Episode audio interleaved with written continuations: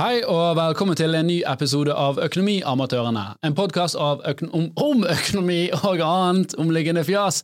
Av økonomi òg, for så vidt. Ja, ja, av økonomi òg. uh, I dag har vi med oss en, uh, en ganske kompetent uh, person på økonomi. Vi har med oss Magnus Vie Sundal, som er renteforvalter i Borea Asset Management. Og Rente har jo vært en ting som vi ikke har investert så mye i, for det har ikke vært så veldig på radaren de siste årene. Nå er det plutselig veldig mye på radaren. Så dette skal vi lære mer om. Og så har Torstein selvfølgelig et eller annet om fly som han ønsker å si. SAS-poeng. Ja. Så følg med, dette blir en bra episode.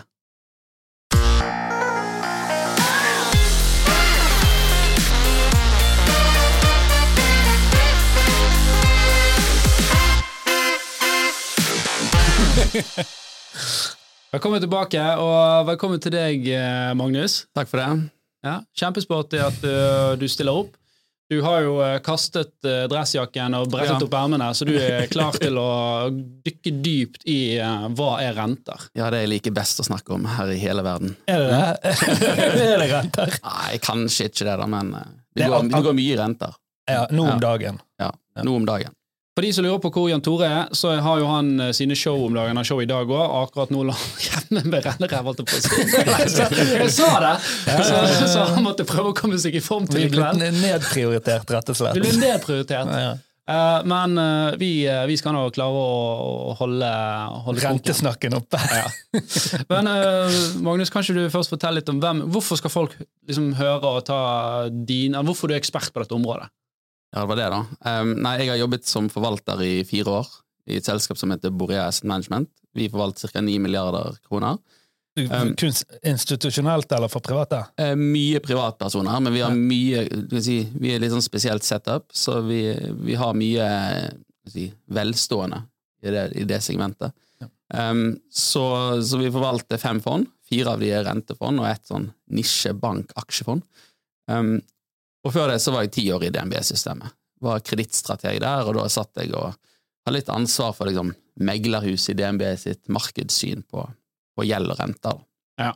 Mm. Så du har jobbet med renter i din hele profesjonelle karriere, mer eller mindre? Da? Mer eller mindre, ja. ja. Mm. Men altså, hvorfor, det høres jo utrolig kjedelig ut.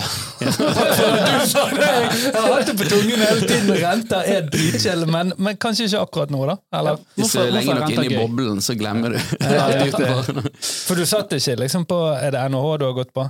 Jeg gikk tre år på NHH. Ja, for Du satt ikke der og tenkte sånn, det er renter, jeg, det er det som er mitt kall? Nei, jeg vet ikke helt hvordan du liksom ender opp med det du holder på med. Det er sånn som forsikringsselgere, man bare snubler inn i den. Sannsynligvis. Ja. Men, men, eh, men, nei, nå er jo rentene høye, da. Så det, det er jo litt gøyere å se et høyt tall eh, enn et lavt tall. I hvert fall når vi sitter på den siden av, av balansen, da. Mm, eh, og vi låner ut penger. Eh, sånn at, eh, så nå, nå, er det jo nå er det artig å være renteinvestor igjen. Og, og liksom, hvorfor folk skal være interessert i det. Eh, vi har jo hatt mange år der det har gått bra i aksjemarkedet. Uh, og nordmenn flest er jo ikke så veldig interessert i renter. Det har gått bra pga. at det har vært gjerne lave renter òg? Ja, sant. Uh, du, du, kan jo si det sånn sett at hvis du går uh, fra en situasjon med høye renter til en situasjon med lave renter, da vil jo for eksempel bedriftene få en mindre lavere renteregning hver måned, sånn at de kan mm. levere høyere overskudd. De kan ta opp mer gjeld, Mm. Sånn at de kan få en høyere avkastning på den tynnere og tynnere egenkapitalen. Eller høyere investeringskapital. sant? sant? Eller de kan, du kan si at hvis, hvis aksjen er en eh, summen av all fremtidig kontantstrøm, mm. Eh, det vi økonomer kaller neddiskontert til dagens, eh, dagens kroneverdi Vil du forklare dette litt mer for eh... Ja, du kan si at en hundrelapp i dag er ikke det, det samme som en hundrelapp om et år. Mm. Hvis på grunn av inflasjon. På grunn av inflasjon og på grunn av renter. Sant? Sånn at hvis, hvis, du kunne satt den i banken i dag, og han er verdt 110 kroner om ett år, da kan du si at 110 kroner om ett år er det samme som 100 kroner i dag. Ja, På grunn av inflasjon. Yes. Men er det kun det? Så kjøpekraften din sånn, så Det nominelle beløpet er jo 110, men det mm. du får kjøpt for disse pengene, vil være det du får kjøpt for 100 kroner i dag. Ja, sant? og det er det vi kaller nåverdien. sant? Ja. Og hvis et selskap skal tjene en million kroner om et år, og to millioner år etter, og tre millioner år etter det, eh, så skal du på en måte Nåverdien av det blir høyere hvis rentene faller. Mm. Fordi at hvis renten er null, da er jo en krone i dag verdt det samme om, om et år og to og tre. Mm. Um, Sånn at når renten har falt, så har på en måte nåverdien av alle, alle fremtidige pengestrømmer blitt større, og da blir òg et selskap mer verdt. Rett og slett, fordi at fremtidig inntjening blir mer verdt i dag. Da. Altså, Det, det, er vel én ting til som har kanskje drevet aksjemarkedet. Det ene er jo det at som du sier, at det er billigere tilgang på kapital, og nåverdiberegningene blir hyggeligere for selskapene. Men så er det jo òg gjerne dette at investorer har ikke hatt andre alternativer. For hvis, du, hvis alternativet er det å sende i banken og få null rente, Mm. så er jo ikke det kjem- kjempehyggelig. Så Ja. Derfor har du sett at kanskje enkelte selskaper, og, og, og særlig i noen sektorer, teknologi etc., Mm. har fått helt syke aksjepriser. Mm. På grunn av at investorene må jo putte pengene et sted, og de Mm. får ikke penger på renter. Så da har det blitt pøst inn i aksjemarkedet. Samtidig uh, må vi bare også, akkur akkurat som at uh, selskaper har mer å investere, så når man har lav rente, så har jo også privatpersoner med lån mer å investere. Sant? Ja. Så de må jo plasseres Og det, et det var jo det vi så for eksempel under covid. Sant? Hva skjedde når vi fikk pandemien? Jo, sant, rentene ble satt i null, for alle skulle prøve å stimulere økonomi, selv om du får ikke stimulert økonomien så mye når butikken likevel må holde stengt. Mm. Men i, i USA så sendte de store sjekker til, i flere omganger til alle innbyggerne. Og når butikken er stengt, du får masse cash, renten er null, da låner du penger, da. Eh, Du sitter og skal kjøpe GameStop og Mm. alt på Euronext Growth, og, Mm. og du får, du får eh, bobler i markedet. Ja, ja. Krypto, NFT-er Ja, sant? Sånn at, eh, sånn at da, da så vi jo på en måte konsekvensen av akkurat det, og det du, kall, det du nevner, er jo det som vi så fint kaller TINA, There is no alternatives, eh, som gjør at store summer med penger flytter seg mot aksjer i perioder. Mm. Blir- Kina, det var litt, det har hørt ja. Ja, Ja. og nå er det vel eh, HARA, There are reasonable alternatives, tror jeg det står for. Ja. Nå eh, kan vi jo kanskje komme til å se det motsatte eh, skje igjen, da. Mm. Men, men litt sånn tilbake til det vi snakket om, eh, og, og kanskje gikk, gikk vi litt dypt i materien her, men, men sånn, du har hatt, vi har hatt 40 år med fallende renter over hele verden. Eh, og og da, da sier det seg sjøl at det, det gir en ekstra boost til boligpriser, til næringseiendom, til aksjemarkeder etc. Sånn at det er mange som har nytt godt av dette her. Mm. Og så får vi jo se liksom, hvor skal vi ende opp, opp nå, da. Ja. De som har nytt godt av det, har, har ikke det hovedsakelig vært folk som sitter på en del enten kapital eller kapital i bolig? sant? Ja, sånn Kapitaleiere har Ja. eh, nytt godt av dette, så de som allerede har vært investert. Alle som kom seg på boligmarkedet på 80- og 90-tallet. sant? Mm. Altså foreldregenerasjonen, da. Mm, Eh, For dette er jo òg en sånn eh, tematikk i dag. Sant? Har man av denne stimulien og økonomien som har gjort at denne her godt voksne befolkningen har fått det veldig, veldig bra og har Mm. lav gjeld og et hus som er verdt mye penger, mm, har man liksom fucket neste generasjon fordi at du får ikke, du får ikke en leilighet for 700 000 lenger. Eller noen hundre tusen sikkert på 80-tallet. mm. Nå må du på, jo 3,5 millioner skal du ha deg en leilighet. ja, på et vis så har du jo det, det, det er jo en sannhet med modifikasjoner, fordi at mange av de, den oppvoksende generasjonen i Norge i dag er jo arvinger Mm. til de som har sittet i dette. Så de som det er synd på, er jo de som har innvandrere, eller de som på andre måter på en måte ikke har Eller de som eksempel skal flytte fra bygden til byen og Eller de som bare hadde litt sullete foreldre. Ja, for jo- eksempel. Ja. Men det er jo, det er jo et godt poeng, sant? for man sitter og føler at, at det var så mye enklere å komme inn på boligmarkedet for den generasjonen, men for de som kom seg inn på boligmarkedet, så er jo det sannsynligvis penger som bare føres nedover i, i generasjonene. da. Mm. Mm. Apropos dette, nå når, nå når renten går opp igjen, jeg så faktisk i Det var vel i går det kom tall på det nest største boligfallet i eh, Norges historie siden de begynte målingene, Mm. i eh, september. Ok, kan du fortelle? Jeg, Jeg Jeg fortalte jo, jeg fortalte jo det. Siste. Jeg tror det var 1, minus 1,7 eller noe Jeg sånt tror det var Ja, det. Ja. Mm. eh, i september. da. Ja. Så, Det er det nest største boligfallet siden de begynte å måle, og det var på tidlig 2000-tallet, eller? det vet jeg ikke. Det må ha vært det må største månedlige Ja, boligpris. måned, Ja. månedlig, selvfølgelig. Mm, Ja, mm. altså, Han er jo fortsatt opp ca. 3% i året. Og det som er litt sånn interessant, er jo da Da ligger det en del boliger på markedet som ikke har blitt solgt. sant? Mm. Da blir du ikke tatt med i statistikken, så vidt meg bekjent. Ja. Sånn at du tar med de som faktisk har blitt omsatt. Mm. Og det er derfor du ofte tror at Jeg, jeg tror òg at reelt er nok boligprisene mer ned. Mm. Og hvis dette her fortsetter, og jeg tror vi skal ligge på høye renter en stund til, da, da, da bør det for, bidra til at prisene skal ned. For du kan si, hva er det som liksom, jeg, jeg hører stadig vekk Jeg snakker jo med masse folk, både økonomer og kunder og det ene og det andre.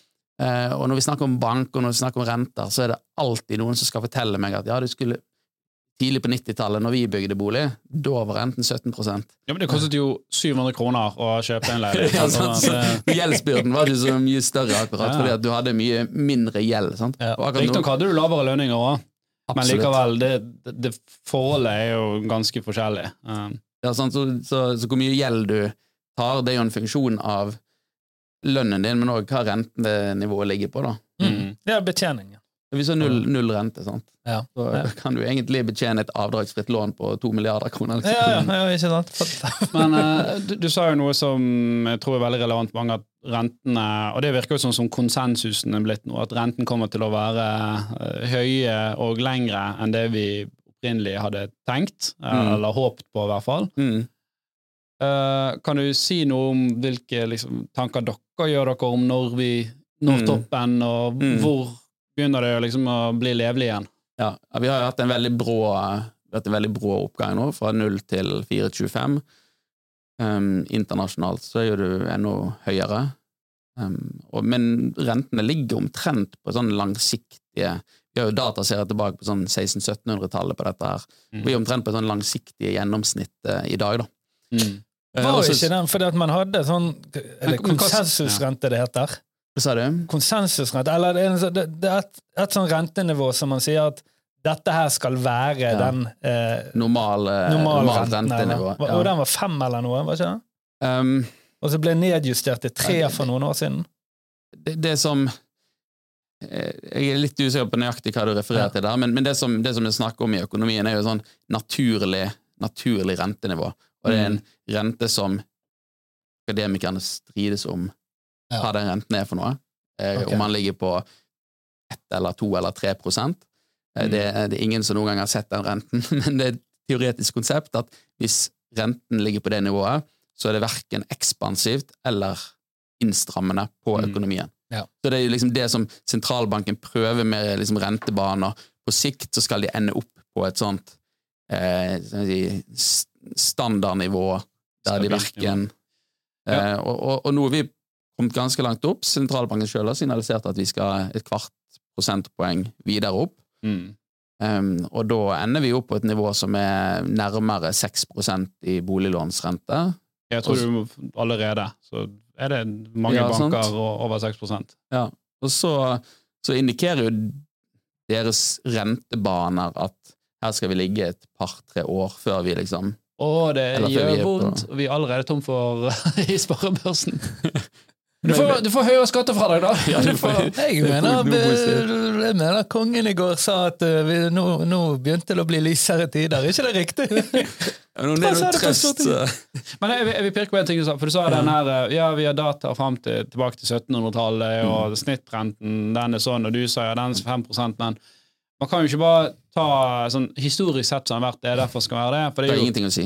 nei, ja, for det er jo Det er jo andre ting som spiller inn her. Sant? Mm. Likviditeten, sånn, muligheten for inn og ut av renta er jo mye bedre nå enn den var på 1800-tallet. Det var litt Ja, ja. mer krevende å- Ja, for lån da. Sant? Eller på Ja, ja. 80-tallet.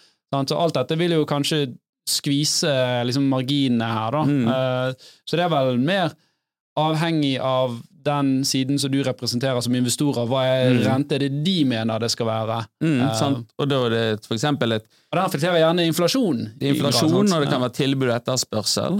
Mm. Uh, si at ok, i USA nå, da, de er på rundt 100 gjelds, gjeld til BNP. Mm. Eh, og der er det sånn at En tredjedel av statsbudsjettet nå går til å bare betjene gjelda. Sånn sykelig høyt. Det er nok Renter på gjeld, er det du tenker Ja, på? renter. Det er Ja. sånn Nei, det, er ikke, det det er ikke så høyt, men det begynner jo, det begynner å stige, sant? og de kjører jo fremdeles med budsjettunderskudd, og, og etter planen så kommer jo den der bare til å Det er sånn hockeystikk på den der eh, Ja. figuren der, Mm. etter deres egne estimater. sant? Renters renteeffekt. Det er ikke så Ja. gøy når det går andre veien, du. Og igjen, eh, nå jeg, jeg har ikke de tallene helt i hodet, men i dag så er det jo rundt eh, 20 24 000-25 000 milliarder i gjeld, Mm. og det er estimert liksom at i løpet av eh, til frem til 2050 så skal det øke med liksom 100 000 milliarder. Eller, 24 000-25 000 milliarder dollar. Stemmer. Sant? Så, men men, det, som, det som er greien her, er at hvis, hvis de skal øke gjelden sin så mye, sant, så, så kommer det for eksempel mye tilbud ut, og det skal absorberes av noen. Sant? Det er jo noen som skal Mm. låne de pengene. Um, og det, det er en faktor. Sant? En annen faktor er inflasjonen, som du sier. Mm. Eh, og litt av grunnen til at renten har falt i 40 år, som vi snakket om i sted, er jo fordi at du har hatt lav og fallende inflasjon. Eh, vi har hatt Kina mer inn på verdensarenaen, de har produsert eh, ting billig, vi har lagt ned kullgruver, og vi har lagt ned liksom, klesbutikker i Norge og flytta det østover. Og det har blitt gjort billigere og billigere og billigere. Sant? Og så nå er det plutselig plutselig og da har løftet en, liksom en befolkning opp til et nivå som gjør at konsumet blir høyere, Sant? så det Ja. Bærer det mer. Ja. Men så ser en plutselig etter sant, Ukraina-invasjonen at plutselig, plutselig er det, er det okay, sikkerhetsspørsmål. Etter pandemien så så du at her er det verdikjeder, skal vi flytte de mot Vesten igjen?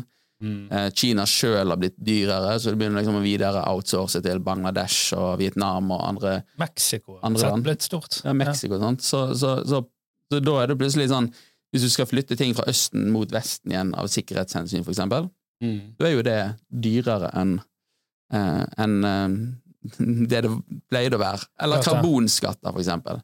Fordi Ja. at du skal shippe fisken fra Tromsø til Kina for å og så tilbake for å Ja. Det blir dyrere. Ja, klart. Nå, nå vet jeg vi hopper litt, men det, kom, var overraskende mye spennende innen renter nå, syns jeg faktisk. Renter Når vi snakker om dette her med USA, siden du har eh, åpenbart mye mer greie på den enn eh, jeg noen gang har hatt eller har, hvordan vi ser, Det var vel i går eller i forgårs at de midlertidig økte gjeldstaket bitte litt for å formelt kunne øke det i Kongressen videre, ikke sant? Eh, og dette her gjeldstaket økes vel hvert eller annet hvert år nå, stemmer ikke det? mm. Hvordan har de tenkt hvordan har de, Noen må jo si at et eller annet tidspunkt blir dette her et kjempeproblem. Det tror jeg de fleste allerede vet. Mm. Men så har jeg ikke forstått at det fins noen åpenbare, gode løsninger for å komme seg ut av den situasjonen de hvert år setter seg i. Nå snakker vi om USA. Mm. Har du en idé, altså Vet du noe om hvordan de har tenkt å gjøre dette, eller skal de bare løpe mot kollapsen? Um, jeg tror Og dette er, sånn, dette er et spørsmål jeg skal, skal helt ærlig innrømme at dette er ikke min spesialgreie. men jeg var i Washington for to uker siden og diskuterte dette med noen tenketanker der, Ja. og de sa jo rett og slett det at at Jeg tror de at holdningen er at noen politikere kommer til å fikse det om noen år.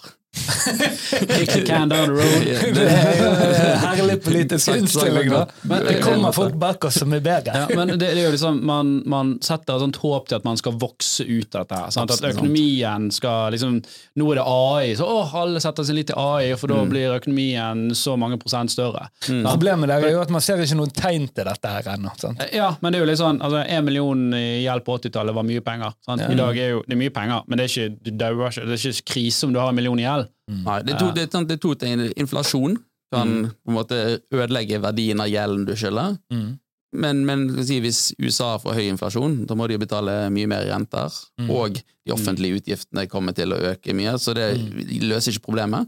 Og det andre er jo ehm, det er jo at du får et boost på veksten, sånn at gjeld til bruttonasjonalprodukt holder seg lav, eller faller, da. Det er det jeg har sett de regner mest med. Ja, ja. Men, men så, så er det litt sånn det, Man kan jo også kutte spenningen. Eh, men, og her er det jo mye Nå skal jeg ikke bli for kon, sånn konspirasjonsaktig, men det er klart at det er vanskelig for politikere å gå ut og si jeg skal stramme inn på alle offentlige ordninger og gjøre det Ja, ja. kjipere.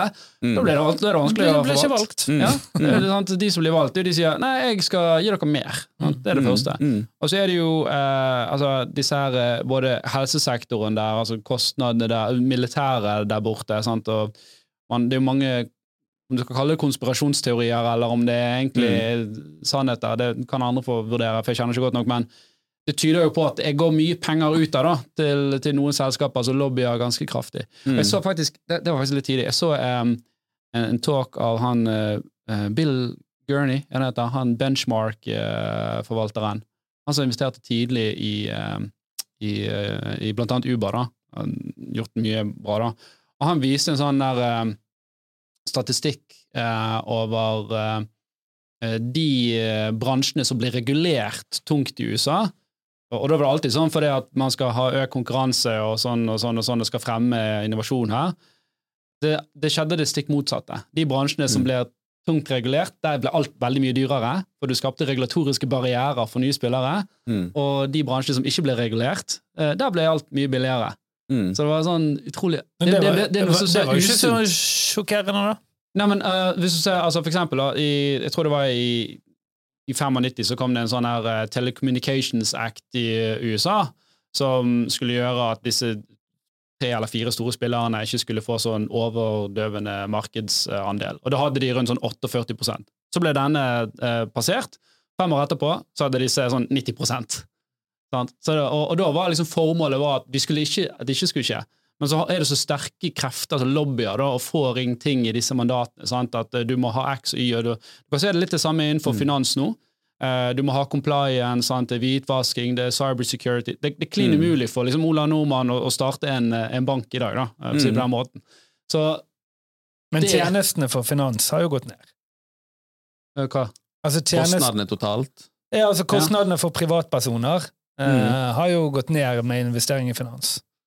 Ja, du tenker på Når altså, det var Ville nesten, Vesten, og- så kunne jo folk bare ta 10-15 prosent, eh, altså forvalte Ja, det er det er jo, altså, det er jo um, både Nå, nå snakker jeg ikke nødvendigvis at regulering er dårlig, og det er sånn det fungerer i, i, i, i, i Norge, men i USA så er det tydeligvis noe, noe usunt som skjer der. Til og med under covid. da. Mm. Mm. Her i um, de, Han sammenlignet da Tyskland, der kostet sånne covid-tester sånn to dollar, altså lett, eller to euro. Uh, og, og der var det en sånn liste med 98 produs- produsenter som kunne levere det. I USA var det sånn tre stykk, og liksom covid-tester kostet 27 dollar. Ja, ja. Altså, at Da hadde de lobbyet inn at nei, det er kun disse her som kunne være det. marked skaper billigere varer. sant? Ja. Ja. Så, så, så det, det er noe som skurrer litt uh, Mm. der borte. Men sånn, uh, I forhold til dette gjeldstaket, da, um, så har jo de, de løfta det gjeldstaket har vel gjort omtrent 80 ganger uh, på like mange år, eller Mm. der omkring. Mm. Eh, så det, jeg tenker at eh, det kommer de bare til å fortsette med, og de finner alltid, alltid en løsning i siste time. Og så kanskje må de stenge delvis ned staten. Ja, Og så, ja, det kommer til å rulle og gå i en eh, overskuelig fremtid, eh, i hvert fall. Men jeg tror grunnen til at de på en måte øker taket så lite hver gang, er jo at den ikke-sittende delen av, eh, av uh, uh, politikken, altså om det Mm. er demokratene eller eh, republikanerne, de, da, de vet da at neste år så er vi i en ny forhandlingssituasjon hvor vi kan implementere enda mer av vår politikk for å være med og stemme frem løfting av dette taket. Bitte Mm. lite grann til. Mm. Okay. Det er en litt ineffektiv måte å drive på. Ja, ja, selvfølgelig. Hvis vi, hvis vi løfter hodet litt vekk fra USA, eller, eller for å avslutte den USA-biten, da. Hvor, stor eh, føring vil du si det som skjer i USA, har på resten av markedet? Jeg vil si det er alt å, alt å bety. Ja. Så det er litt sånn- relevant å diskutere. Nei, men man si, sånn- si sånn um, Harald Magnus Andreassen, som er sjefsøkonom i Sparebank1 Markets, en veldig flink fyr, uh, han sier jo rett ut at hvis, hvis du ser på utviklingen i finansmarkedet i Norge versus USA, så finner du en veldig sterk korrelasjon. Ja. Eh, Det er nesten så du kan si at det er mer internasjonale forhold som avgjør ting, utviklingen her, enn enn norske forhold. Og det, og det er jo litt det samme det er jo litt det samme vi kan si med, med Norges Bank òg. Det er sånn Kan Norges Bank la være å heve rentene? Jeg bare så på, på debatten i går, for eksempel. Da. Mm. Så blir det argumentert for at ja, men inflasjon er importert. Mm. Hvorfor skal vi bry oss om det? Det er bare, bare noe vi importerer uansett. Mm. Men det, det setter oss jo i dilemma. Vi blir, sånn, vi blir likevel tvunget til å følge med resten av verden, for ellers kommer jo fort det går ut, utover valutaen. som Kronekursen. ja, det svekker seg, og hvis den svekker seg enda mer, hva får du da? Da får du importert Da blir iPhone liksom 30 000 kroner istedenfor 15 000 kroner. Ja. Og det tror jeg er et veldig viktig poeng, og vi diskuterte det litt tidligere her òg, at vi må passe på at ikke kronekursen blir sånn latterlig svak, for det, det er vel sånn 1000 milliarder vi importerer hvert år, og, og de varene blir jo dyrere. Mm. Og så er det jo mye spill i dette her òg, som vi har sett litt på. Denne griskflasjonen, eksempel. At eh, mange Mm. kanskje ser sitt snitt og tar noen marginer, om det er banker eller om det er dagligvareforretninger. Mm. Mm. Um, men greit. Så, så vi er liksom bondefanget Da. Vi må dilte litt etter. Uh, hvis, uh, hvis USA og Europa setter opp uh, uh, renten, så må vi sette opp for å måte, forsvare kronen. Mm. Burde vi gått over til euro? Nei, det tenker jeg ikke. ikke, at jeg, ikke at jeg er noen ekspert på, på akkurat uh, det der, men det å, og så kan du selvfølgelig argumentere for hvor, hvor uh, uavhengig pengepolitikk har vi, Mm. men, men euro så vil du i hvert fall ikke ha en eh, uavhengig pengepolitikk. Mm. Uh, og hvis du for eksempel tar Hvis du ser til Europa, hva som har skjedd de siste 10-15 årene, da, kan du si at, at når ECB setter renten i null, på grunn av at ting går ikke så bra i Sør-Europa, hvis vi går tilbake til sånn Mm. eurokrisen, så får jo Tyskland får jo et ganske bra boost. De får jo nullrente, de òg, sant. Mm. Sånn at du får jo et veldig, veldig bra boost, sant? Og, det å treffe alle de landene med Ja. den samme rentepolitikken, Mm. det, det er ikke lett. Og så kan vi dra en parallell til Norge òg, fordi at vi òg etter finanskrisen har jo fått egentlig nullrenter, men i Norge gikk det jo bra. Vi hadde jo en oljeindustri som gikk så det grein, sant.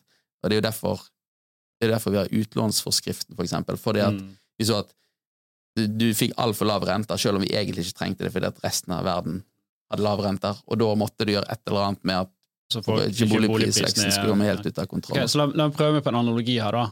Så, så det med at man har faktisk ikke en felles valuta, men har separat pengepolitikk, det er bra, for da kan man da kan man på en måte behandle den kroppsdelen som er syk, og man slipper å utsette liksom hele kroppen for, eh, for, for behandlingen. da. Så er, jo det, så er jo det selvfølgelig enda viktigere hvis man har en økonomi som lener seg på litt andre ting enn resten av EU sin økonomi, som vår økonomi gjør. sant? Ja. Mm. Uh, Tarjei eh, eh, Sandnes har uh, skrevet en kommentar her. Når sist lønnsøkning var på 5,3 eh, ikke dekker utgiftene, blir det litt skummelt når renten øker igjen. Helt enig med deg, Tarjei. Uh, vi har snakket litt om dette tidligere òg. hvis det er sånn at ok, vi øker renten for å forsvare kronekursen, da bør jo man en, eh, Da må man kunne tenke liksom, hvilke andre politiske grep kan vi ta for å liksom lette den byrden. Mm. Uh, og et alternativ kan jo f.eks. være at i dag har du 22 fradrag på, på, på renter eller kapitalinntekter og, og, og kostnader. Hvis du hadde økt den da, til nærmere eh, mellomting av det du har på, på aksjer, eksempel, så ville jo folk fått større rentefradrag for, for lånene sine, og derav stått igjen med mer av egen lommebok.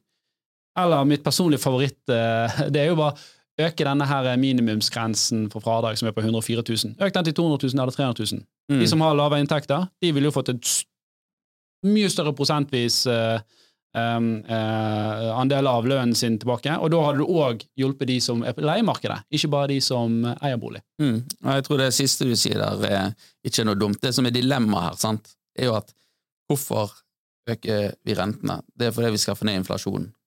Hvordan gjør du det? Jo, du skal ha lavere etterspørsel i økonomien. Jo, men det er jo lav. Det er jo du sier, det er nettopp importert inflasjon som er litt sånn problemet her Ja, det er litt, det er litt av problemet, men my, det, det er fremdeles 20 nordmenn av husholdningene sliter nå med å liksom betale for mat, så kan du ikke si at det er, folk klatrer over hverandre for å kjøpe melk i butikken. Nei, men mange nordmenn har jo har hatt veldig god råd, sant? Mm. Eh, Og det er riktig som du sier, at en del av in- in- inflasjonen er importert, men en del av det er òg innenlandsk inflasjon. Og da tenker sentralbanken at okay, da må vi få ned etterspørselen. Hvordan gjør vi det? Jo, vi må få opp arbeidsledigheten. Det er jo ingen som snakker om det, men det er jo det som egentlig er verktøyet. sant? Det- etterspørsel, litt høyere arbeidsledighet, lavere prispress gjennom den kanalen. Men det treffer jo det treffer jo litt skjevt, eh, for å si det mildt. Mm. Og, og hvem er det som ikke har så mye lån? Jo, det er de helt på toppen, og kanskje de på bunnen som ikke har kommet seg inn på markedet. Men de helt på bunnen blir truffet veldig av Det er jo ikke sånn at de som tjener mye, kjøper ekstra mye kjøttdeig til, til ta- tacoen, liksom. Uh, så så jeg, jeg skjønner hva du sier, men Mm. likevel så, så er nok dette en kombinasjon av denne griskflasjonen og importert inflasjon og en del andre ting òg. Og så syns jeg òg Jeg skjønner konseptet med at man skal kjøle ned økonomien, men det er to måter å løse problemet på. Det ene er jo å senke etterspørselen med å bare gjøre det så kjipt for folk at de ikke har råd til ting. Mm. Det andre er faktisk å faktisk åpne opp, så du får mer konkurranse og flere som vil levere varetjenester. og da får du høyere tilbud, og da vil også prisene synke. Det blir mer konkurranse. Hvis det er mange som Ja. produserer kjøttdeig der ute, og det er gode marginer i det, så er det klart at da blir jo kjøttdeigen billigere. Jo, jeg, jeg ser hva du mener, men jeg tror det jo To måter å løse problemet på. Jeg er ikke fan av den første. Hvis du ser på arbeidsmarkedet, sant? det har jo vært veldig hett, veldig lav Ja, men det hva er det, La oss snakke, da. 15-20 Men- av befolkningen som ikke jobber? Men med veldig lav arbeidsledighet, da, er, da kommer du jo fort i den situasjonen at ok, den nye kjøttdeigfabrikken, da, de skal rekruttere kjøttdeigarbeidere. Hvor får du de fra? Ja, det er ikke flere ar arbeidstakere på markedet. Bangladesh. Da går det til Ja, da tror jeg du har et problem med fagforeningen plutselig, hvis du, det. Sant? Så da går du til de, Ja, andre der, da da. til de andre kjøttdeigfabrikkene, og så begynner du å gi de høyere lønn for at de skal komme til deg. Og da får du jo den der eh, Da får du en loop der du må bli høyere og høyere og høyere. Det er to ting der. Det er, det er jo en urovekkende stor andel av den voksne arbeidsalderbefolkningen som Vi sier at arbeidsledigheten er lav, men Mm. det er jo en sannhet med modifikasjoner. Vi har jo enormt mange Mm. som er eh, på trygd eller andre sosiale stønader som Mm. kanskje Og det er derfor de, de foreslo dette nye eh, skatteutvalget, sant? Hvor, hvor formålet var hvordan kan vi få folk i, i arbeid. Mm. Sant? Så eh, jeg ser hva du sier, men samtidig så er det liksom av andre effekter enn det at eh, nødvendigvis vi ikke har arbeidskraften. Eller det kan være som du sier at det problem er eh, fagforeninger som, som beskytter eh, at du ikke får inn nok arbeidstakere. Mm. Men samme situasjon som de står i USA. Sant? Noen sier vi må åpne, vi må inn mer immigranter på lovlig vis, fordi vi, det er for lav eh, arbeidsledighet der òg. Mm. Ja, det er litt sånn, i forhold til, Tilbake til dette kjøpekraft, så er det, det er jo ujevnt fordelt. Og SIFO har jo nå sagt at det er mange som sliter. Um, men det er, ser vi på de overordna, eksempel innskuddene eh, i Norge i bank, bankvesenet, så er det veldig ujevnt fordelt. Men der ser vi at det fremdeles siste året er det jo 2% vekst. Så vi har hatt en enorm sparing under covid. Mm. Og, og på aggregerte tall så ser vi jo faktisk ikke at liksom, de har begynt å falle ennå. Sant? Nå var det saker denne uken om at er det er 20% økning i sydenturbestillinger til høstferien. Så det er opplagt at det er mange som har mye penger på bok, samtidig som andre begynner, begynner å slite her. Da. Jeg skjønner ikke hvem er disse som har mye penger på bok. altså, det må jo, Er det så mange som tjener så godt uh... Det er jo- ikke altså- klart hvis du, hvis du har en OK økonomi, så, Mm. og du ikke har eh, liksom, kjøpt det hus til 12 millioner, Mm. da, så, har Ja. jo, så har jo denne rente, på en måte, renteoppgangen ikke noe veldig stor påvirkning på Det var jo kapital. oppgang i matvarepriser generelt. Uh, da. Bare, jeg, jeg, jeg, gjorde, jeg skrev en kronikk i DN om dette her for et par måneder siden, og da satt jeg og regna litt på dette her, og så at hvis vi går tilbake to år, og vi har hatt renteøkning i ca. to år Mm. um, Vi ser på medianlønningen i Norge, og de er på rundt 590 000-600 000 nå. Så ser du på hvor mye har den vokst siden Norges Bank begynte å sette opp renten. Og hvis du tar et eksempel, to stykk med medianlønn og fire millioner i bolig- boliglån, sånn, Mm. da er det sikkert snittall, da. Men selvfølgelig, det er ikke snitt. Ingen er på gjennomsnittet, sant. Mm. Du, du er alltid litt sånn avvik. Men, men hvis du gjør det, og så ser du at hva skjer når renten går opp, eller når, hva skjer med rentebetalingen når rentesatsen stiger? Jo, den stiger. Men i Norge så har vi annuitetslån, og da faller avdragsbetalingen. Mm. Sånn at hvis vi tar med rentefradrag, ser på avfall i avdragsbetaling, så ca. halvparten av, av den renteøkningen har blitt motsvart av eh, fall i avdrag. Mm. Um, og hvis du da tar med at du har hatt nominell lønnsøkning på sånn 8-10% i løpet av en toårsperiode, Mm. så vil det for det, det gjen, gjennomsnittsparet her, vil den lønnsøkningen ha økt mer enn lånebetalingen. Fordi at annuitetsfunksjonen Mhm. trekker vekk veldig mye av den midlertidige økningen. Ja. Og så er det selvfølgelig sånn Det var for to måneder siden, vi har fortsatt renteøkning, sånn at det, du strammer jo skruen mer og mer her. Mm. Um, og inflasjonen det er jo en haug med andre varer som øker, øker i pris og trekker likviditet ut, da. Mm. Men jeg tror det er med å forklare hvorfor um, kanskje det har vært enda mer uh, Det har vært mye i avisene lenge om dette her, men, men, men ut, fra, ut fra bankene jeg har snakka med, så virker det som det først sånn det siste halvåret at det virkelig har begynt å kjennes for en del folk. Da. Mm. Mm. Ja, det vil jeg tro. Altså, det viser jo statistikken òg. Eh, altså, hvis du snakker med bankene sjøl, så sier de at for vanlige folk så virker det som at eh, sparepengene begynte å, å, å, å bruke opp. Nå var det rekordhøy vekst i, i forbrukslån uh, i, i september. Mm. Uh, både i volum, men òg antall personer med rentebærende gjeld ser vi uh, går opp. Så, Mm. Og, og SIFO sånn hadde jo nye tall som sa at det folk flest sliter, 20% av husholdningene sliter med å betjene regningene sine. Det er jo, liksom for, for ta, jeg, jeg har en eh, OK, OK lønn, og jeg har eh, lite lån. Ikke fordi at jeg har betalt mye ned på bolig, men jeg har en knøttliten bolig. Eh, for min del så har ikke dette gitt store utslag i det hele tatt. Og så kan du si ja, matvarene har steget litt, men det, det er en ganske liten del av den totale økonomien som den Om på en måte kostnaden i matbutikken stiger med 15-20 så er jo ikke det 15-20 av økonomien, det er jo 15-20% av noe som allerede er 10 av økonomien. Så det Mm. har ikke veldig mye å si, da. Ja. Um, så, så liksom, og, og jeg, jeg har ikke en veldig god lønn, men jeg har litt bedre enn snittet, og det er jo det veldig mange som har. sant? Ja. Derav snittet. Ja, da, nei, jeg, jeg, altså jeg eh, representerer kanskje litt annet, for jeg er jo småbarnsfamilie, to barn, eh, kjøpte bolig her i, eller bygde bolig i 2018. Sant? Mm. Um, vi har, har hatt en liksom, grei økonomi, uh, men for oss har det liksom med tanke på det lånet vi har, som er betraktelig større enn det du har, så, så, Mm. så kjenner vi dette ganske bra Så, uh, på økonomien vår. Mm. Så det, det er nok litt sånn forskjell, som du sier der òg. Ja. Og så er det jo klart at um, de som leier bolig òg, har jo sikkert merket det òg. At Mm. uh, huseier sier vet du hva, renten, nei, leien den må opp. Mm. For det, nå, nå er det en helt, annen, helt annet regnestykke eh, Ja, for å finansiere den der. Akkurat det der regnestykket også er jo ganske interessant, for det var en, det var en overskrift i Finansavisen her for noen uker siden at de, merk, de varsler liksom krise i boligmarkedet, eller i leiemarkedet, Mm. eh, og en megler så sa han visste om 1000 leiligheter som skulle ut på Markedet. markedet fordi det var ikke lønnsomt.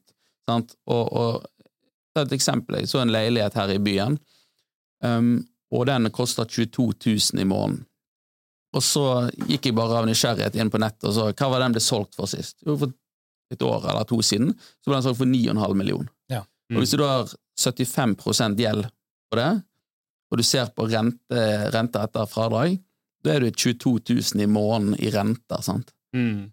Så da er du liksom virkelig Da tjener du ikke noe penger på å Ja, leie så den. kommer Dekker jo litt rentekostnader. Kommunale utgifter, sant, er vedlikeholdskostnader. Sant? Ja, så, så egentlig om, den, om det skulle lønnet seg å leie ut noe sånt, skal vi sikkert opp på 30 000 eller der omkring. Sant? Og det er jo, der har ikke du et marked. ja. Så hva gjør folk da? Okay, kanskje du skal kvitte deg med den leiligheten, da? Men der er jo litt av det problemet, for jeg, jeg sitter i samme situasjon, eller kjæresten min i samme situasjon, hvor liksom mm, Hennes leieinntekter nå de er lavere enn hennes utgifter på den leiligheten. Eh, og det er liksom ikke tenk på avdrag på lån, eller Ok, kun rente. Altså, det, ja, Rente og disse andre utgiftene. Mm. sant? Mm. Så jo på, på et tidspunkt så kan jo si eller, så, Nylig, forrige måned, finner vi ut at man, kanskje man skal slippe den leiligheten. da. Mm. Men så har jo du en kontrakt som går i noen måneder. sant? Ja. Så det man står jo fort i en situasjon hvor man skal ut med leiligheten sin i det verste boligmarkedet på lenge. Mm. Så man ønsker jo, eller vil tro mange ønsker å på en måte håpe at la oss ri dette her ut med å tape litt disse her månedene. Ja, men hvis det blir sånn i to eller tre år, da? Ja, ja. Men det det hva satser det med dynamikken? Sant? det Og, og det det er tusenvis av mennesker så da skal slippe disse, eller selge disse utleieleilighetene sine, sant? da får du et økt tilbud, og, Mm. og det er jo ikke, må ikke være veldig god økonom for å forstå at Nei, en økt tilbud Klart det. klart det. Veldig, ja, nei, det er veldig, priser. veldig, veldig spennende hvis alle tenker likt. sant? Ja. Ja. Ja, men det, det er jo ofte sånn at alle, tro, alle har jo mer tro på sin egen evne. Sant? Ja. Så alle holder ut til siste dans, og så Det er jo sånn bobler eh, ofte skapes òg. Ja. Men uh, tror du det står eh, større utenlandske investorer klar til å liksom kuppe store deler av det norske boligmarkedet? Uh, ikke Nei, ikke sånn enkeltleiligheter, men ser du på sånne store Ja, altså Heimstad, Bostad-porteføljer Ja. etc. pensjonskasser, BlackRock, disse store, stygge, skumle Ja, hvis, hvis, entitetene. prisene, hvis prisene kommer ned nok, så kan det sikkert at institusjonelle kommer, kommer på banen, men um, De vil ikke noen kjøpe en og en bolig, som sagt. Det blir jo fond Mm. da, som går ut og ja, eh, Men jeg har ikke, jeg har ikke noen konkret eh, jeg ville tenkt på sånn sett. Og det kan jo like godt på være gjerdet, altså. Har ikke det. og det kan like godt være sånn sett norske aktører som klarer Ja. å samle ihop noe penger og, og gjøre sånne dealer, da. Hovedmeldingen, trofast lytter, uh, han har kommentert alltid interessant å høre på markedsliberalister i nedgangstider. Da mener man at staten må gripe inn, men i oppgangstider skal staten holdes vekke. Vet ikke om det var relatert til, eh, til, til min kommentar, men jeg, jeg, eh, jeg sa vel egentlig det motsatte. At jeg ville at staten skulle bare eh, ikke blande seg inn. Eller Mm. Overhodet. jeg mener, i, om det er oppgangsside eller nedgangsside, så mener jeg mindre skatt. Overraskende nok. Forrige gang, vi, forrige gang markedet virkelig krasja under pandemien, um, og da sitter jo investorer sånn som oss eh, i fondene våre, og det er jo da vi kan gjøre de gode kjøpene, sant? når Mm. verdipapirer Jeg lik, liker at du inkluderer oss i denne. Sånn som oss. Ja. Ja, Nei, men, men, men da oppretter jo staten Statens obligasjonsfond med Mm. ramme på 50 milliarder. Og da så du at verdipapirene falt, obligasjonene falt sånn i kurs, og implisitt så ble det så dyrt for bedrifter å skaffe seg finansiering i markedet, eh, at for å holde liksom stabilitet i markedet, så oppretta de et statlig mandat som skulle bare kjøpe verdipapirer. Da. Mm. Og er det- ikke det det, sånn litt gitt, gjort i Europa med ECB òg? At eh, Eh, jo, ute i både Europa og USA så har jo Mm. sentralbankene kjøpt statsobligasjoner mm, Eh, Etter finanskrisen så har amerikanske sentralbanker gjort det i tre runder. Eh, ECB har gjort det i Europa, og etter pandemien så kjøpte de jo helt enorme volumer. Vi mm. tusenvis av milliarder av dollar eh, i, i, i obligasjoner for å støtte sånn, markedet, og målet er jo at kan, du- kan du forklare hvorfor, Ja. hvorfor gjør man det? Ja, du kan si at Vi bare begynner på begynnelsen. Obligasjon det er jo en et lån. Det er et lån. Det er et verdipapir. Ja. Sant? Du, er, um, du er staten i USA, jeg er en investor. Så Mm. sier du ok, jeg, skal, jeg, vil låne penger i ti år. Sant? Jeg er, jeg er i USA. Du er i USA, Ja. jeg er en investor. Jeg vil låne penger i ti år. Du vil låne av meg. Du vil låne penger. Jeg som staten vil låne penger av deg. Ja. Eh, så, så går du ut til en haug med investorer, meg sjøl inkludert, og så sier de at vi gjør en auksjon. Dere Mm. sier hva rente dere er villige til å låne pengene på, og så får vi det beløpet vi vil ha, til liksom Mm. den renten som nok folk er med på. Ja. Så sier jeg ok, 3 da. Greit. Og da printer du noen verdipapirer som sier at jeg, staten USA, skal betale deg 3% årlig fastrente i ti år, og så får du tilbake pengene dine I sin helhet etter det. om ti år. Ja. Mm. Det som skjer i realiteten, er at om ti år så kommer de til å gå ut til investoren igjen og si de skal, skal betale, vi skal Så betale sånn.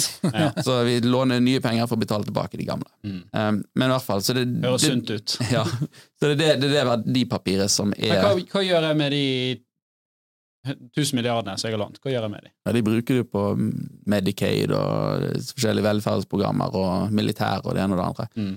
Så jeg låner deg penger, sant? og jeg sitter igjen med obligasjon. Så obligasjon er egentlig bare en kontrakt som sier at du skal betale meg renter. Det er bare en lånekontrakt. Ja. Ja.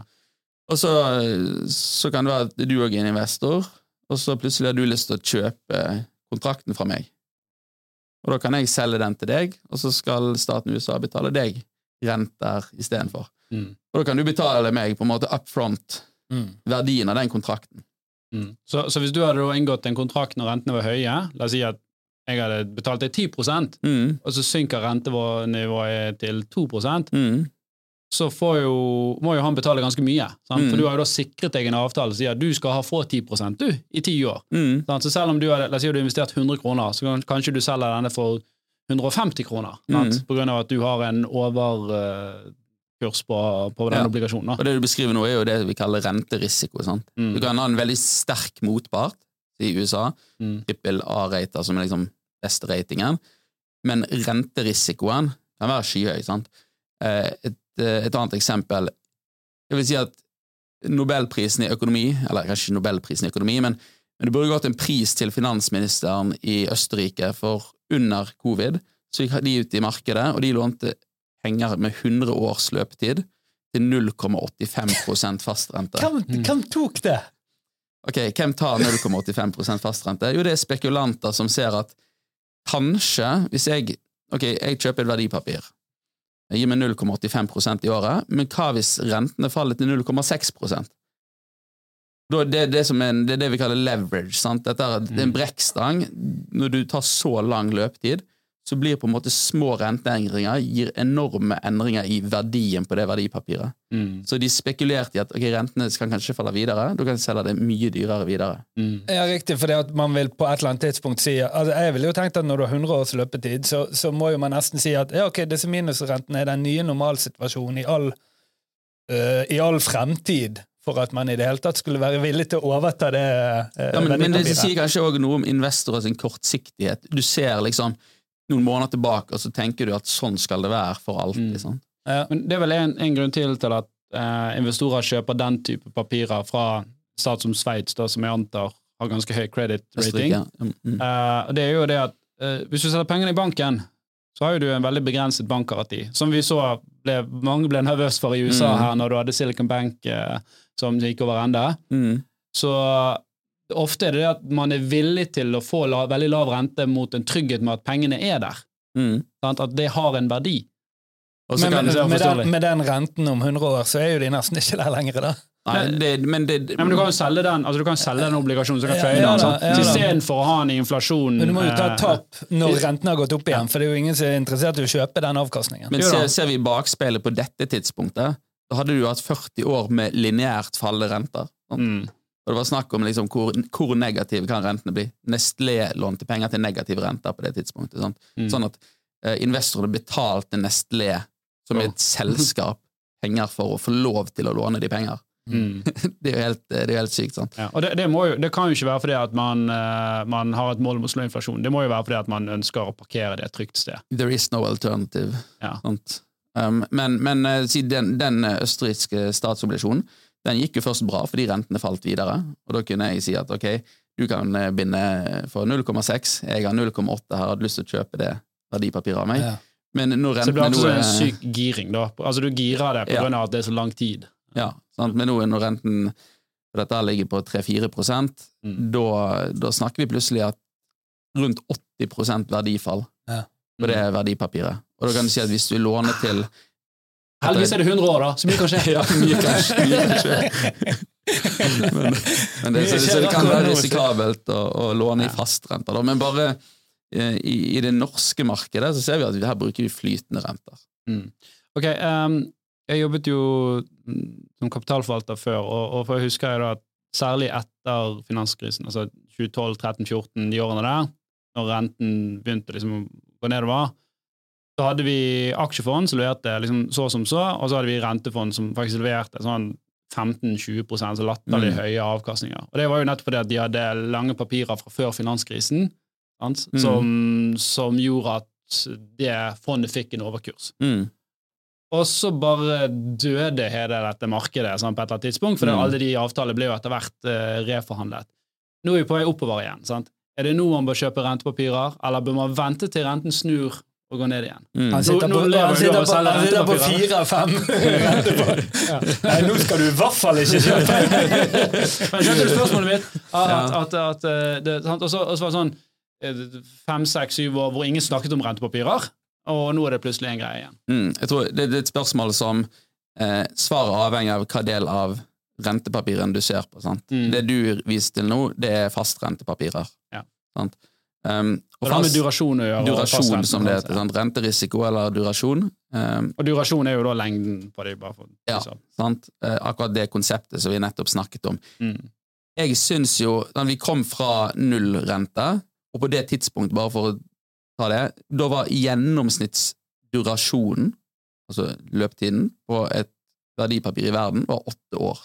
Gjennomsnittsrenten du fikk, var 1 Enkel matematisk formel. Hvis markedsrentene stiger 1% så taper du durasjonen. Mm. Altså Mm. 1% økning i markedsrenter, taper du 8% Sånn hvis Altså, da var det lett å si det i ettertid, kanskje, men det, virka opplagt at hvis du da tap, markedsrentene steg 1% så ville du tape åtte års forventa avkastning. Mm. Dårlig bedt. I dag så, så ser vi jo eksempel at du kan kjøpe en tiårig amerikansk statsobligasjon. Du kan s- Hvis du stoler på amerikanske staten eh, om ti år, så kan du få 4,8% på det. Mm. Eh, nå har jo den effekten da at hvis vi går inn i en resesjon, og, og jeg syns jo kanskje at den innstrammende pengepolitikken her fort kan få noen negative konsekvenser i løpet av et par år, da vil typisk sentralbanken sette ned rentene. Mm. Da faller markedsrenten igjen, gitt at vi har klart å temme inflasjonen. Hva får du da? Da får du en hedge. sant? Mm. Da faller verdien på aksjene dine, kanskje, men verdien på obligasjonene, de fastrenteobligasjonene, de vil jo stige. Så nå er vi tilbake til den situasjonen at en aksjeportefølje og en obligasjonsportefølje sammen kan på en måte gi mot, gå motsatt vei. da. Mm. Nå har jo oljefondet redusert renter og økt aksjer. Mener du at de bør revurdere det mandatet nå, da? Eh, nei, jeg tenker at de, de Min holdning er at de er så langsiktige. Ja. At det der eh, å ha 60 aksjer er Um. Kan jeg, kan jeg bare raskt det så- så- så- ja, eh, for det- Med dette med rentefond. Gitt det som vi sa nå, at nå har rentene steget. Jeg, jeg har ikke fulgt med, da, men Mm. har det vært et uh, Armageddon i rentefond før det liksom normaliserte seg nå av det? da? Altså Er det masse rentefond som hadde store tap? I fjor så falt snittobligasjoner internasjonalt med 15 Ja. Sånn at de som hadde fastrenteobligasjoner, de tapte mye på det. I år så er fastrenteobligasjoner ned 3 fra nyttår til i dag. Som sagt, så i Norge så investerer vi i flytende rente, så når jeg gir et lån, så får jeg Nibor, pengemarkedsrenten, pluss et fast påslag. Men Investerer du i kun flytende rente i norske I hovedsak, men jeg kan ta litt Du, du har eh, fire fond, sier du? Ja, vi, vi har to fond som investerer i høyrenteobligasjoner. Det er em, til selskaper i alle mulige bransjer. Men kun i Norge? Nei, det, det kan være i, i hovedsak i Norden, eller knytta til Norden, Mm. men vi kan ta andre selskaper òg. Dere skaper hver eget mandat. Ja, da kan det være si et shippingselskap, da, Mm. som skal, eh, skal låne til noen skip, og så får du pant i skipet, og så betaler de 10 rente, da. Ja. Eller pengemarkedsrente pluss 5% på toppen der. Sant? Eh, Sånn at det, er det er rekke forskjellige, forskjellige selskaper. Um, ellers i Norge sant, så kan du låne til eh, kommuner, banker, um, forskjellige tryggere selskaper, og da får du typisk pengemarkedsrente pluss et halvt, ett, to prosent på toppen. Da. Og, det, og det, er det, som er, det er det som er case, og kanskje litt hvorfor jeg er her i dag òg, fordi at hvis vi går bare to år tilbake i tid, så var pengemarkedsrenten nær null. 0,27 var vel det laveste. Og hvis vi fikk 0,27 pluss et halvt prosentpoeng, da kunne du skilte med 0,75% rente. sant? Det er ikke så sexy når Oslo Børs siden 1996 har gitt 9,7 årlig avkastning. Hva gjør du da? Jo, 0,75 eller 9,7. Ja, du kjøper heller aksjer, sant? Jeg går for 9,7. Ja, i dag er 9,7, men sant, i dag så vil jo det samme obligasjonen gi 5,3 Mm. Jeg eh, låner ut til eh, den mest risikable si, delen av bankene, altså norske banker, sparebanker, DNB etc., men den mest risikable delen av deres kapitalstruktur utenom aksjene. Da får jeg i dag 8,5% i året Av banker. av banker. Mens, eh, mens risikoen med å gå inn i Oslo Eller der er det uvisst, sant? Ja, Ja. Eh, eh, ok, det var for en ting jeg ville pirke litt i. For du, du sier at dere har nesten bare flytende renter. mm, Uh, inntrykket mitt er, altså, både om det er riktig eller galt, det er at i utlandet så er det, og særlig i USA, så er det faktisk motsatt. mm, uh, hvert fall boliglån, så er jo det Hvis du snakker med amerikanere, så sier jo alle nei, jeg har bundet renten. mm? Mens her i Norge så er det litt sånn åh, har du bundet renten? Det er jo helt sykt. Mm. Er det sånn i bedriftsmarkedet òg? Så det er det som er Eller i deler av bedriftsmarkedet. Mm. Eh, det er litt cirka Vi har noe si, lån som har flytende rente, og obligasjoner som har fastrente. I obligasjonsmarkedet så er det nesten bare fast rente. Om det er statslån, om det er bedriftslån, um, eller andre institusjoner. Mm. Og, og, og, og litt tilbake til det vi har snakket om tidligere i dag. Norges Bank har jo hever renten 4,25. Mm. Det treffer jo alle norske husholdninger. Amerikanske sentralbanken er vel opp 5,25. Mm. Men hva var det amerikanerne gjorde? eller noe sånt. Mindre enn det. sant? Alle amerikanerne bandt lånet sitt på 30 år. Ja. De refinansierte på veien ned. Mm. På nullrente nesten, så bandt de lånet sine i 30 år. Så du, gjorde ikke vi det? Så, men, så det som betyr det, er at amerikanerne sitter egentlig låst i sin egen bolig. da. Sant, For de det, de, de, bytte for de kan ikke bytte bolig, for der følger jo lånet boligen. sant? Mm. Uh, og hvis du da skal kjøpe en ny bolig, så får du plutselig 5-6 på lånet ditt, kontra kontra 1 som du har i dag. Ja. Men nei, i Norge så er det mye flytende renter. Så kan du si selvfølgelig det har jo vært fint med, med flytende renter de siste 30 årene. Uh, Mm. Vet ikke hvorfor vi liker flytende renter så godt, men det er ofte sånn i finansmarkedet at vi gjør det vi alltid har gjort, og det er bare sånn det er. Så spør du hvorfor er det sånn. Nei, det har bare alltid vært sånn. Det er sånn Tror- vi gjør det her. Jeg tror liksom de aller fleste, meg selv inkludert, har på en måte blitt eh, liksom, indoktrinert. for det med at ja, men flytende rente, det vinner på sikt. Det vinner på sikt. Det har det alltid gjort, kommer det alltid til å gjøre. Og da tenker man, okay. Låne maks i bolig. sånn- ja. Men det, er sånn, for, for ellers skal du liksom, som privatperson så skal du bette mot banken din om du er bedre til å liksom, lage en prognose for hva rentebanen kommer til å være. Mm. Og jeg tror de fleste nordmenn er såpass ydmyke at det tør ikke de å gjøre. Mm. Ja. Men, og da, og da, men da er du tilbake til det her, eller spørsmålet. Hva er, hva er bet? Eller veddemål eller ikke? sant? Mm. Er det et veddemål å ta en fast rente, eller er det veddemål å Det ta en en gøy, flytende rente? gøy perspektiv. Jeg har en, eh, en kusine nå som spurte meg om akkurat det, og de har belånt seg veldig, veldig høyt. da. Eh, og hun, altså, og det, jeg sa jo så det, altså Flytende rente det er alltid det som vinner på sikt, men det blir jo et voldsomt bet hvis det, dere kommer til et punkt hvor dere ikke har råd til å bevare denne boligen, så da er det jo bedre å, å gå for en fast rente, selv om det kanskje på sikt ville Vanskelig Mm. for å si til en kompis eller en venninne at ja, nå bør du begynne renten din. Ja, men hvis du, hvis du er på kanten til å faktisk ikke ha råd til å ha den boligen, så er jo det et voldsomt bedt å ha flytende rente. Jo, men ok, nå vet vi at det skal opp en kvarting til, da. Så det kommer jo, og det vet jo bankene også. Hvis du på en måte skal binde renten, så vil jo de kalkulere inn det. Ja, men For noen Så- måneder siden tenkte vi annerledes. For noen måneder før det så tenkte vi annerledes. Men nå må du knekke! Det går ikke an! Det går ikke an! Det kan- det går ikke an! Det går ikke at Du han som står på den slottsmaskinen og sier han har tapt så mye at nå kommer gevinsten. Sant? Ja, ja. Ja. Nei, men jeg, jeg tror jo fort sånn Erfaringen viser i hvert fall at Norges Bank bom garantert på de rentekurvene. Rentebanene. Det, de har alltid gjort det, og de kommer alltid til å gjøre det. Alle som kommer med prognoser, bommer på det. Um, og Derfor er jeg litt sånn skeptisk til sjøl å komme med prognoser, men det er jo fort sånn Kommer vi inn i Hvorfor nedtur gidder vi da, hvis alle bommer? Ja, Kanskje vi bare Nei, vet hva, Dere får styre. Vi beholder den der, for det er comfy. Ja, ja, Men, men, men- men kommer det nedtur, så skal jo fort rentene ned. Sant? Og jeg tror ikke ting kommer til å gå for seg så i ordna forhold som alle sentralbankene ser for seg. For de ser for seg at her skal vi stramme renten, og så begynner inflasjonen inflasjonen kommer ned akkurat sånn som vi vil, og så tar vi renten litt ned igjen, og så ligger vi der i Og så sier jo hele markedet og sier 'nei, de bløffer'! Sant? det så er jo liksom, det så voldsomt psykologispill her. Først sånn, når, når eh, sentralbanken er ute og sier noe, så kommer disse sjefsøkonomene sånn 'nei, jeg tror de bløffer'. Skal, det, så, så det blir jo sånn eh, ja.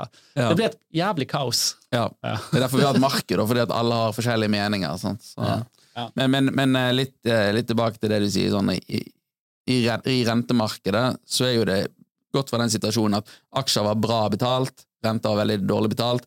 Nå er renter godt betalt, og aksjer er sånn Risiko. Jeg vil si at eh, aksjer er mer risikoutsatt enn på en god stund, i hvert fall. Fordi Ja. at eh, Ok, ref det vi snakket om, da. Hvordan går det med, går det med husholdninger? Hvordan går det med den aggregerte etterspørselen i økonomien? sant? Hvor mye penger skal ut fra Oslo Børs nå? Hvor mye mer kostbart blir det å drive bedrift med økt arbeidsgiveravgift, eh, høyere lånekostnader, sant? alt dette vi jo spiser på. Og i første omgang, så det, det vi har sett, er i første omgang så tar bedriften og øker prisene, sant? lemper det over på forbrukeren og øker topplinjen. Og så hva skjer i neste omgang? Jo, da kommer lønnskravet, da øker Mm. kostnadene, og da får du en marginpress. Har lyst til å, ø, å lempe det over på forbrukeren i enda en runde. Deilig spiral. Ja, da faller kanskje etterspørselen, da. Hvis, Ja. hvis liksom de eh, pølsene på Rema plutselig koster 200 kroner pakken, sant? så selger du færre pakker med pølser. Så det er nå, liksom, nå er jo det, det er jo, det her, det er jo sånn buler jo tydeligvis over på lagrene for disse norske bøndene nå på kjøtt. da. Så de Ja, jeg vet ikke om det Ja, det er det mange, skriver, mange, mange grunner til det. Men det det har det gjort lenge ofte. Men Føler du at liksom åh, nå er de aksjegutter, de må de være dritkule i ti år. Endelig er det min tur! uh, nei, jeg tror ikke det. Og der, og der, og der kommer et spørsmål jeg har. Uh, de siste Hvordan har disse her uh, rentefondene eh, Hvilke avkastninger har de fire rentefondene du har hatt i forhold til Oslo Børs Mm. på 10, 5 og 3 års sikt? Og det har jeg ikke i hodet i det hele Men du har grovt. Si, vi Jubler har, kundene deres, eller er de bitre? nei, de er veldig fornøyd. Nei, vi si, det, det, har, slått Oslo Børs. det, nei, men eh, et rentefond vil jo normalt ikke gjøre det over Nei, men tid. du, Men- du, men du si- portretterer jo nå at det potensielt kan gjøre det fremover. Sånn. Ja, Leverer du alfa? ja, om jeg leverer alfa. Nei, jeg tror at uh, på lang sikt Vi starta et fond i 2012. Det er det eldste av disse rentefondene våre, så det er litt over ti år nå. Vi har levert 7,5 cirka i den perioden. Kjempebra. Det er veldig bra. Ja, det er veldig Og da har vi hatt en gjennomsnittlig rente på, jeg vet ikke jeg, pengemarkedsrenten har vel ligget på 2-3% Og dette kan folk bare gå og Hvorfor kjøpe. har dere gjort det så bra? um, Ok, vi er Det er sikkert flere grunner til det, men vi er, vi er et litt så spesielt oppsett. da. Vi har minsteinvestering på en million.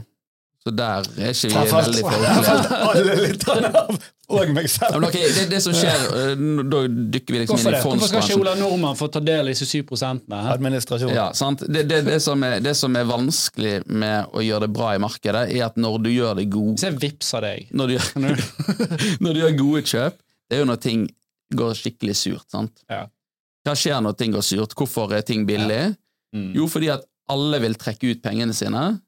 Eh, og da, hvis du går til eh, fondsforvalteren i DNB eller rett over gaten her i, til Holberg, så, så vil du si at ok, jeg vil ha ut pengene mine. Da må han skaffe deg de pengene på to dager. Mm. Han dere har sånn som i eh, The Big Short, dere har sånn mandat som sier vi sperrer pengene. Ja, vi er låst inne. Ja. Vi er låst inne, er i minst en måned. Ja, Og dere har det, ja. Ja. Ja, så da sier vi til kundene våre at Da sier vi til kundene våre at ok, er langsiktig, så får du være låst inn, for det, det gir oss rom til å handle når de fleste andre må selge. Da kan vi gjøre gode kjøp. Og i tillegg på toppen av det, så er det sånn at hvis jeg har en milliard i fondet mitt, så har jeg en stående, stående kredittfasilitet, en trekkfasilitet, på halvparten av det. Sånn at jeg kan låne, eh, låne på toppen hvis det er gode kjøp. Så for Mm. eksempel, si under covid, da, da kjøpte jeg, eh, da kjøpte jeg verdipapirer, em, rentepapirer i DNB fra amerikanske hedgefond, som bare dumpet de ut, og det fikk jeg kjøpe til implisitt rente på 14 Mm. 72 cent på dollaren, som vi sier da. Mm. Sant? Og, og de var jo frykta jo liksom at her skulle DNB gå konkurs. Mm. Jeg sitter med litt mer lokalkunnskap om norsk økonomi. Jeg tenker at DNB går ikke konkurs med det første. Men, men da er det sånn, hvis jeg hadde måttet sende ut masse penger til mine kunder, da, da hadde jeg ikke hatt muligheten til å kjøpe de verdipapirene. Så jeg tror det er på en måte noe av det som gjør at vi kan gjøre det bra over tid. da.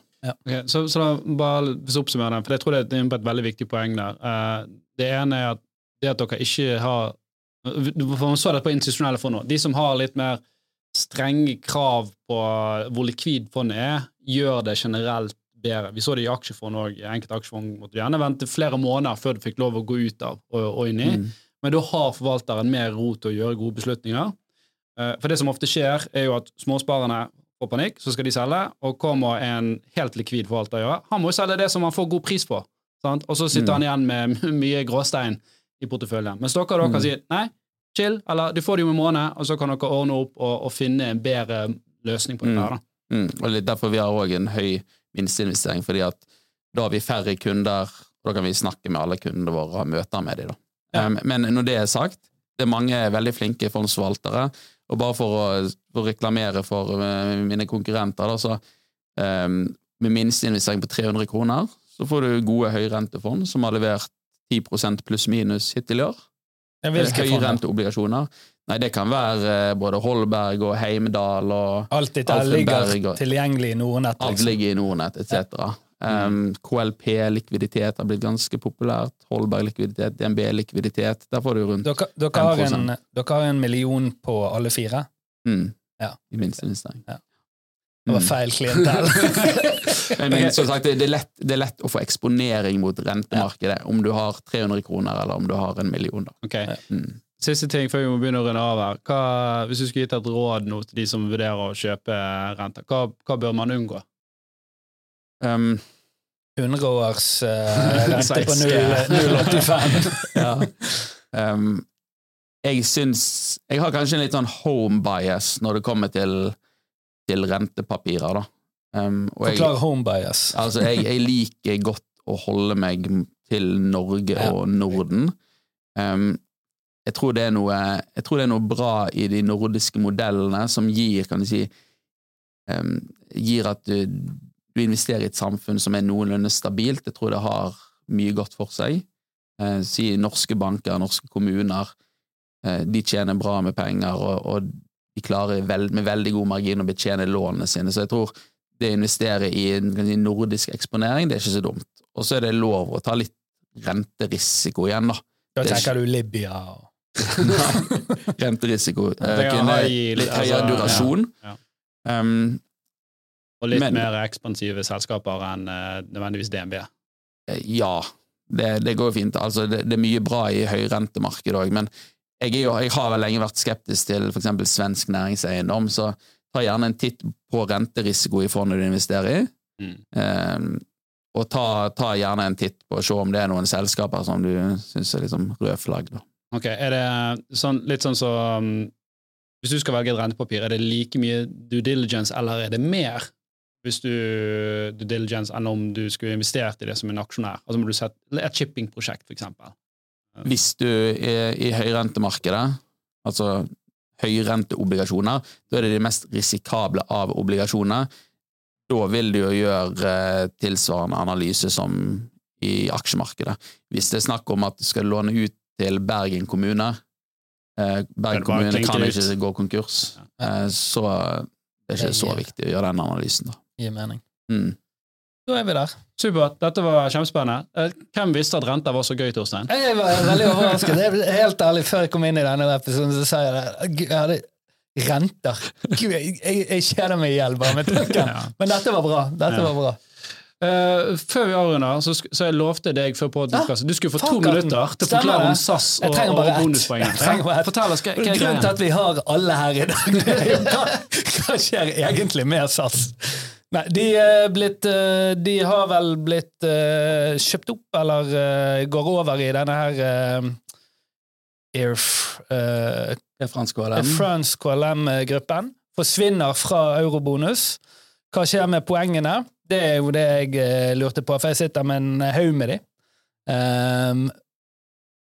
Det jeg har funnet ut av så langt Nå ser jeg du er litt interessert. Du sitter Ja, med jeg er veldig interessert i dette. bare. ja, dette er en plussak, så det er at nå sparer jeg litt penger. De vil i hvert fall, de går ut, uh, SAS går ut med at de vil i hvert fall godta poengkjøp eh, hos SAS fram til sommeren 2024, men alle poeng, eurobonuspoeng, vil jo fortsatt kunne benyttes hos alle de andre partnerne. Da. Altså alle andre eh, eurobonuspartnerne. Så det som sannsynligvis skjer nå, dette er bare et gjett, det er at mange tror de kommer til å måtte bruke disse SAS-poengene veldig fort. Eh, Jeg kjente jeg selv skulle skinne meg hjem i kveld. Så det at alle disse gode SAS-dealsene forsvinner veldig, veldig fort.